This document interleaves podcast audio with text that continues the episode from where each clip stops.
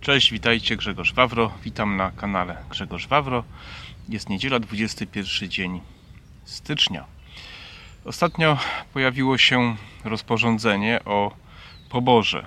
O tym, że każdy powołany człowiek, mężczyzna, kobieta musi zgłosić się w ciągu 6 godzin do wojska, inaczej będzie kara więzienia. Ciekawe, myślę, że warto o tym porozmawiać. Wcześniej chciałem Was prosić o lajki, subskrypcje i komentarze do mojego kanału. W ten sposób pomożecie mi rozwijać i uzyskać w tym miesiącu jeszcze 10 tysięcy subskrybentów. Jest to całkiem realne, bo już dzisiaj powinienem uzyskać 9 tysięcy. Próbujmy. Przechodząc do tematu, myślę, że warto zastanowić się nad sensem poboru i czy żołnierz poborowy jest gotowy w ogóle walczyć z zaangażowaniem, bo zmusić do walki można każdego. To widzieliśmy w Związku Radzieckim, kiedy NKWD stała za żołnierzami i kto nie chciał walczyć, ten dostawał kulkę. Chodzi o to, że żeby armia była skuteczna, żołnierze muszą chcieć walczyć, muszą chcieć zaangażować się, muszą chcieć narazić swoje życie. Pytanie, co może to spowodować? Warto by sięgnąć do historii. W pierwszej Rzeczpospolitej y, zawsze brakowało pieniędzy na armię, zawsze brakowało pieniędzy na żołdy. Generalnie były z tym problemy. Ale z jakiegoś powodu przez ponad 2,5 wieku, przez blisko 300 lat nawet można powiedzieć, Polska była potęgą nie do pobicia. Dlaczego? Ponieważ y, szlachta była gotowa z własnych środków włożyć na uzbrojenie, wystawiać chorągwie i bronić i narażać swoje życie dla obrony Rzeczpospolitej. Dlaczego? Ponieważ broniła swoich wolności, swoich majątków, swoich praw, swoich dochodów. Generalnie podatki dla szlachty były niskie w tamtym czasie. Natomiast to jakoś tam się sprawdzało. Człowiek może dać z siebie bardzo dużo, jeżeli to, czego broni, to jest to, co chce zachować, to jest to, z czym się identyfikuje. Pierwsza Rzeczpospolita była dość wyjątkowym tworem, niespotykanym w tamtym czasie, w tamtym czasie podkreślam, na świecie. Natomiast y, mogła się chyba sprawdzić tylko tutaj, u nas, ponieważ no, to dłuższy temat, ale mm, pospolite ruszenie, Unia z Litwą, wiele różnych narodowości, wolności i tak dalej. To jest dość skomplikowany temat, ale generalnie ludzie wtedy byli gotowi walczyć. Y, były całe rody szlacheckie, które się specjalizowały w wojskowości. Y, głównie to był południowy wschód, dzisiejsza Małopolska, bardziej tam na Kresach, jeszcze na terenach obecnej Ukrainy. Do momentu, kiedy był taki nieszczęśliwy zbieg okoliczności, kiedy dwa kataklizmy spadły na Polskę, czyli powstania Chmielnickiego i potem jeszcze potop szwedzki. To była straszna, straszna katastrofa. Potem Polska odwojowała y, te, to, co utraciła w większości, ale niestety to złamało nam kręgosłup. W związku z tym y, no, każda potęga, każde mocarstwo kiedyś upada. Pierwsza Rzeczpospolita też upadła. Nie o tym chcę mówić. Y, teraz dzięki temu, że została pamięć, została pamięć z tamtych czasów, dzięki temu, że ludzie wiedzieli, co utracili, duża część społeczeństwa, no, głównie szlachty, no bo cóż, no takie czasy, nie? Wiedziała, co utraciła. Przez cały okres zaborów tysiące ludzi narażało swoje życie, powstania narodowe. To, czy one miały sens, czy nie miały sensu, to jest jakby inny temat, ale byli ludzie, którzy byli niezmuszeni, byli gotowi bronić, bronić Polski, czy walczyć o odzyskanie niepodległości. Udało się to w 18 roku i w okresie międzywojennym też była taka chęć, był kult w ogóle wojska, prawda? Oczywiście do 33-35 roku polska armia naprawdę stanowiła konkretną siłę, no potem Niemcy ze swoim blitzkriegiem i, i całym tym nowym, nowym w ogóle, nową strategią, sprzętem i tak dalej, to też nie chcę wchodzić w dygresję. Musiała Polskę pokonać. Ktoś kiedyś powiedział, że armie przegrywają wojny dlatego, ponieważ przygotowują się do następnych wojen y, według schematów z poprzedniej wojny. No i polska armia taka była, ale generalnie to, że odzyskaliśmy wtedy niepodległość y, w 18 roku, 21 lat zaledwie się udało utrzymać, to powodowało, że ludzie chcieli za wszelką cenę tą niepodległość utrzymać i potem odzyskać. I też no, etos żołnierza polskiego, prawda, druga, druga wojna światowa, to są, to są oczywistości, prawda, to wiemy, znamy historię. Potem w PRL-u no to tak już fajnie nie wyglądało. Aczkolwiek y, myślę tak z perspektywy czasu muszę przyznać, że oczywiście wtedy była, był już system taki sowiecki, fala przyszła do Polski, więc no, wojsko nie, nie stanowiło takiego atrakcyjnego miejsca, do którego młodzi ludzie chcieliby wstępować, no, byli zmuszani. Natomiast y, patriotyzm jako taki był dość kultywowany wtedy w polskiej armii i Wiele osób do dzisiaj wspomina, że, że wojsko pozytywnie. No są tacy, którzy nie wspominają, prawda? Nie mieliśmy okazji sprawdzić w praktyce wartości żołnierza z PRL-u, prawda? Ale no powiedzmy sobie, że była to jakoś tam zorganizowana armia w jakimś tam stopniu, była, znaczy nie w stopniu, ale była to część po prostu armii sowieckiej, przeznaczona w czasie, w przypadku inwazji na zachód, na zajęcie północnych Niemiec i generalnie Danii, prawda? Tam y, Oleksy, były premier y, Oleksy, jak on miał, Jan Oleksy, nie pamiętam, y, miał być gubernatorem takim w Danii, to tak, tak to było planowane. Trudno powiedzieć, jakby się ta armia sprawdziła. Przechodząc do dzisiejszego problemu z poborem i z zaangażowaniem, potencjalnym zaangażowaniem młodych ludzi, nie tylko młodych, do, do armii, mogłoby być różnie, ponieważ ja często dostaję komentarze pod moimi filmami o wojsku, tam zwłaszcza jeden taki short, którym porównuję do Finlandii. Nie porównuję, tylko daję przykład Finlandii, y, systemu szkolenia i obrony Finlandii nie uważam, żeby on w Polsce się mógł sprawdzić, ale to był tylko taki przykład zaangażowania i świadomości tego państwa. Wydaje mi się, że moglibyśmy mieć problem. Dlaczego? Ponieważ y, zastanawiam się, czego dzisiaj mieliby bronić y, polscy obywatele, tak? No bo okej, okay, żyje nam się tutaj ciągle jeszcze dobrze. Nie wiem jak długo, ale ciągle jeszcze dobrze. Ale mamy problem z identyfikacją taką narodową, przynależnością narodową. Bardzo dużo osób mówi, ja się z tym krajem nie, identyfikuję. Nie identyfikuję. Samo stwierdzenie z tym krajem jest już pewnym błędem, ponieważ mówi się w naszym kraju. Bardzo wiele osób, dziennikarzy, nawet polityków mówi w tym kraju. To jest paradoksalnie bardzo ważne, ponieważ w tym kraju mówi się wobec kraju, do którego, czy obywatelem, którego nie jesteśmy. Powinno się mówić w naszym kraju. Wiele osób się nie identyfikuje z wielu powodów politycy. Oczywiście jakość naszych polityków jest fatalna, jest koszmarna. Od ponad 30 lat rządzą socjaliści, więc czego się spodziewać, prawda?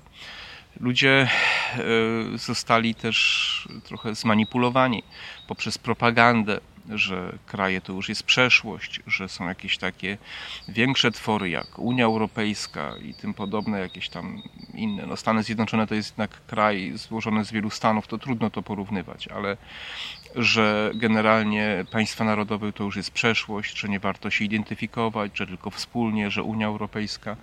Więc przez kilkadziesiąt lat wmawia się ludziom, że polskość to jest taka fe, że taka przaśna, że taka nieatrakcyjna i w dużym stopniu to się udało zrobić.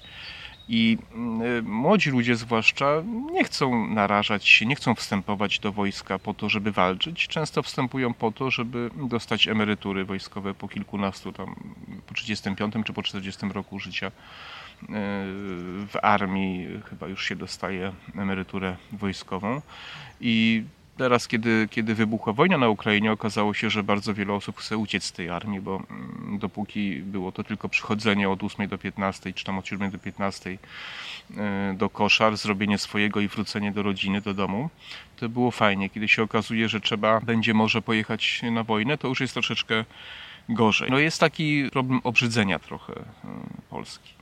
E, też jest problem, który wiele osób doskonale rozumie, że Dzisiaj y, tak naprawdę nie wiadomo o co byśmy walczyli. Tak? Czy za Polskę, czy za Unię Europejską, a może za Stany Zjednoczone. Konflikt, który obecnie się odbywa na Ukrainie, to jest tak naprawdę konflikt między Stanami Zjednoczonymi a Rosją i trochę Chinami. Jest to wojna o wpływy w Europie. O to, czy tu będą rządzić Amerykanie, czy będą mieli swoją strefę wpływów, czy może Niemcy w połączeniu z Rosją, prawda? I Polska jest tego elementem. I pytanie, czy ludzie, którzy to rozumieją, chcą, będą chcieli narażać swoje życie, żeby walczyć za Amerykę, nie wiem, za Niemcy, za nie wiadomo co, za Unię Europejską. Bo ja nie wiem, jak ja bym się zachował. Jestem osobą niepełnosprawną, więc mam kategorię E, więc raczej mnie nie wezmą. I też często to podkreślam, bo ktoś mnie tam pyta, czy ja bym walczył, czy bym ginął. Wiemy o sobie tyle, na ile nas sprawdzą w danej sytuacji. Ale tak sobie myślę, że gdyby Polska była krajem suwerennym, no z różnymi problemami, jak to większość krajów, ale jednak miałbym poczucie, że polityka jest nastawiona na wolność, na suwerenność, prawda, na to, żeby mi ułatwiać życie, a nie pogarszać, żeby mnie nie okradać, to na pewno miałbym większą motywację, żeby tego bronić. Y, w dzisiejszych czasach nie mam takiego poczucia, ponieważ politycy skutecznie obrzydzili do siebie społeczeństwo.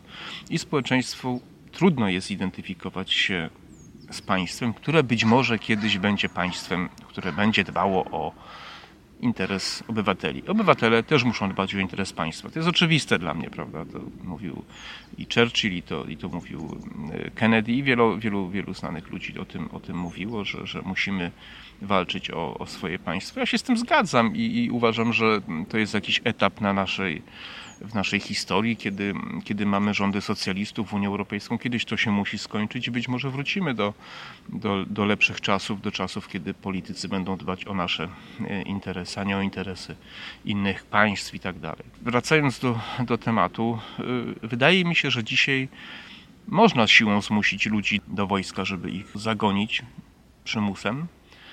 Natomiast nie da się chyba ludzi zmusić, żeby robili więcej niż muszą, żeby wystawili głowę, żeby się narażali. Tego się zrobić nie da. Nie da się zrobić tego, co Związek Radziecki, czyli NKWD postawić za plecami i strzelać, bo do tego trzeba mieć e, kilkaset milionów ludzi, tak jak Rosja tam miała wtedy do dyspozycji, czy tam 200 milionów, nieważne, będzie 120 milionów, wszystko jedno. E, Wtedy można sobie na to pozwolić. Y, takie państwa jak Polska czy Ukraina, tak jak teraz widzimy, nie mogą sobie na to pozwolić, bo nie mamy tyle ludzi. Poza tym jest to zwykłe barbarzyństwo. Ja mam wątpliwości, czy dzisiaj polska armia byłaby gotowa skutecznie przeciwstawić się zagrożeniu.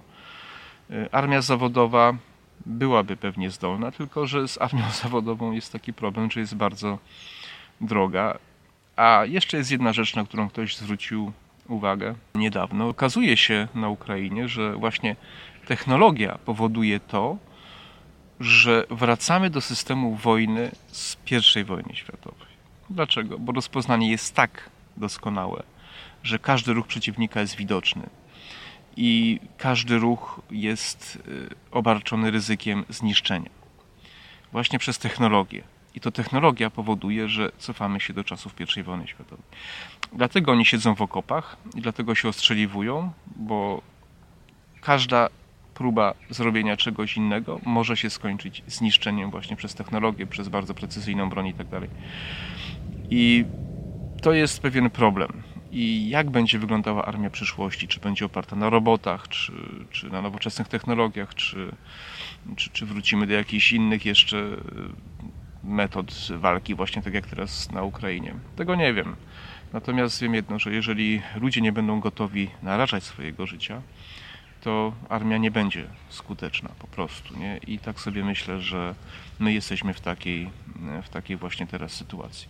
Oczywiście jest jeszcze element zemsty, odegrania się, no bo na wojnie zaczynają ginąć ludzie, nasi koledzy, rodziny, znajomi. No i to oczywiście politycy wykorzystują, siedząc, pijąc sobie whiskacza i paląc cygaro, e, jak Winston Churchill akurat kiedyś. E, oni to wykorzystują. Chęć odwetu za to, że kolega został zastrzelony, przyjaciel, czy ktoś z rodziny zginął, czy dom został zbombardowany, jest bardzo silna, tak?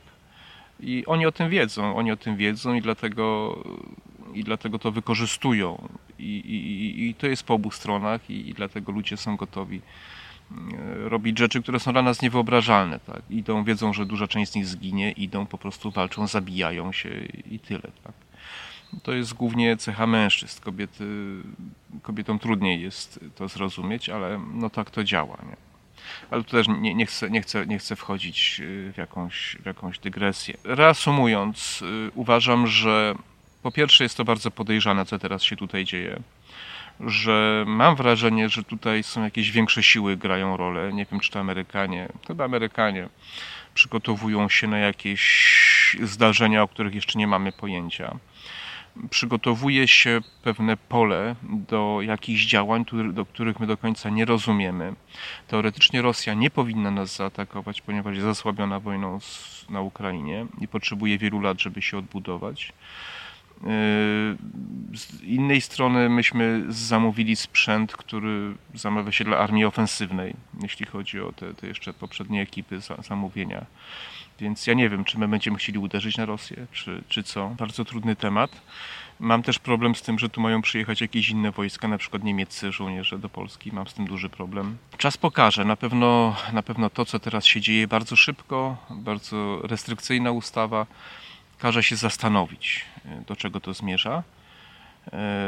Ja jestem zaniepokojony. Jestem zaniepokojony, bo potencjalna wojna może się okazać dla nas katastrofą.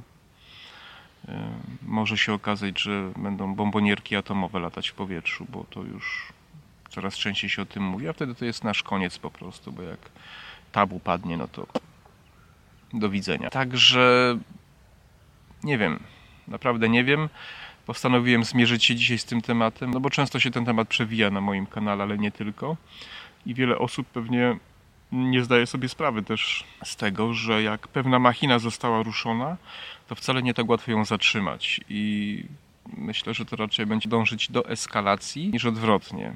Do, do jakiegoś rozwiązania, trudno powiedzieć. Nikt nie wiedział, jak druga wojna się rozwinie, kiedy we wrześniu 1939 roku Niemcy nas zaatakowali. I myślę, wydaje, że teraz też nie będziemy wiedzieli. Szkoda mi tylko, że młode pokolenia mogą znowu zapłacić najwyższą cenę za, za to, żeby Stany Zjednoczone, Niemcy i Francja mogły się dalej normalnie rozwijać. I, i to mnie martwi. To mnie martwi najbardziej. Martwi mnie to, że obecna ekipa rządząca jest zdolna do tego, żeby nas poświęcić, tak uważam, w imię swoich wyższych jakichś celów, idei mm, europejskiej, obecna ekipa nie będzie się liczyć z nami, z naszym życiem, z naszym państwem, z naszą historią. Po prostu w to nie wierzę. I to mnie martwi. Nie? Zobaczymy. Jeszcze raz proszę o lajki, subskrypcje, komentarze i wszystkiego najlepszego. Do zobaczenia.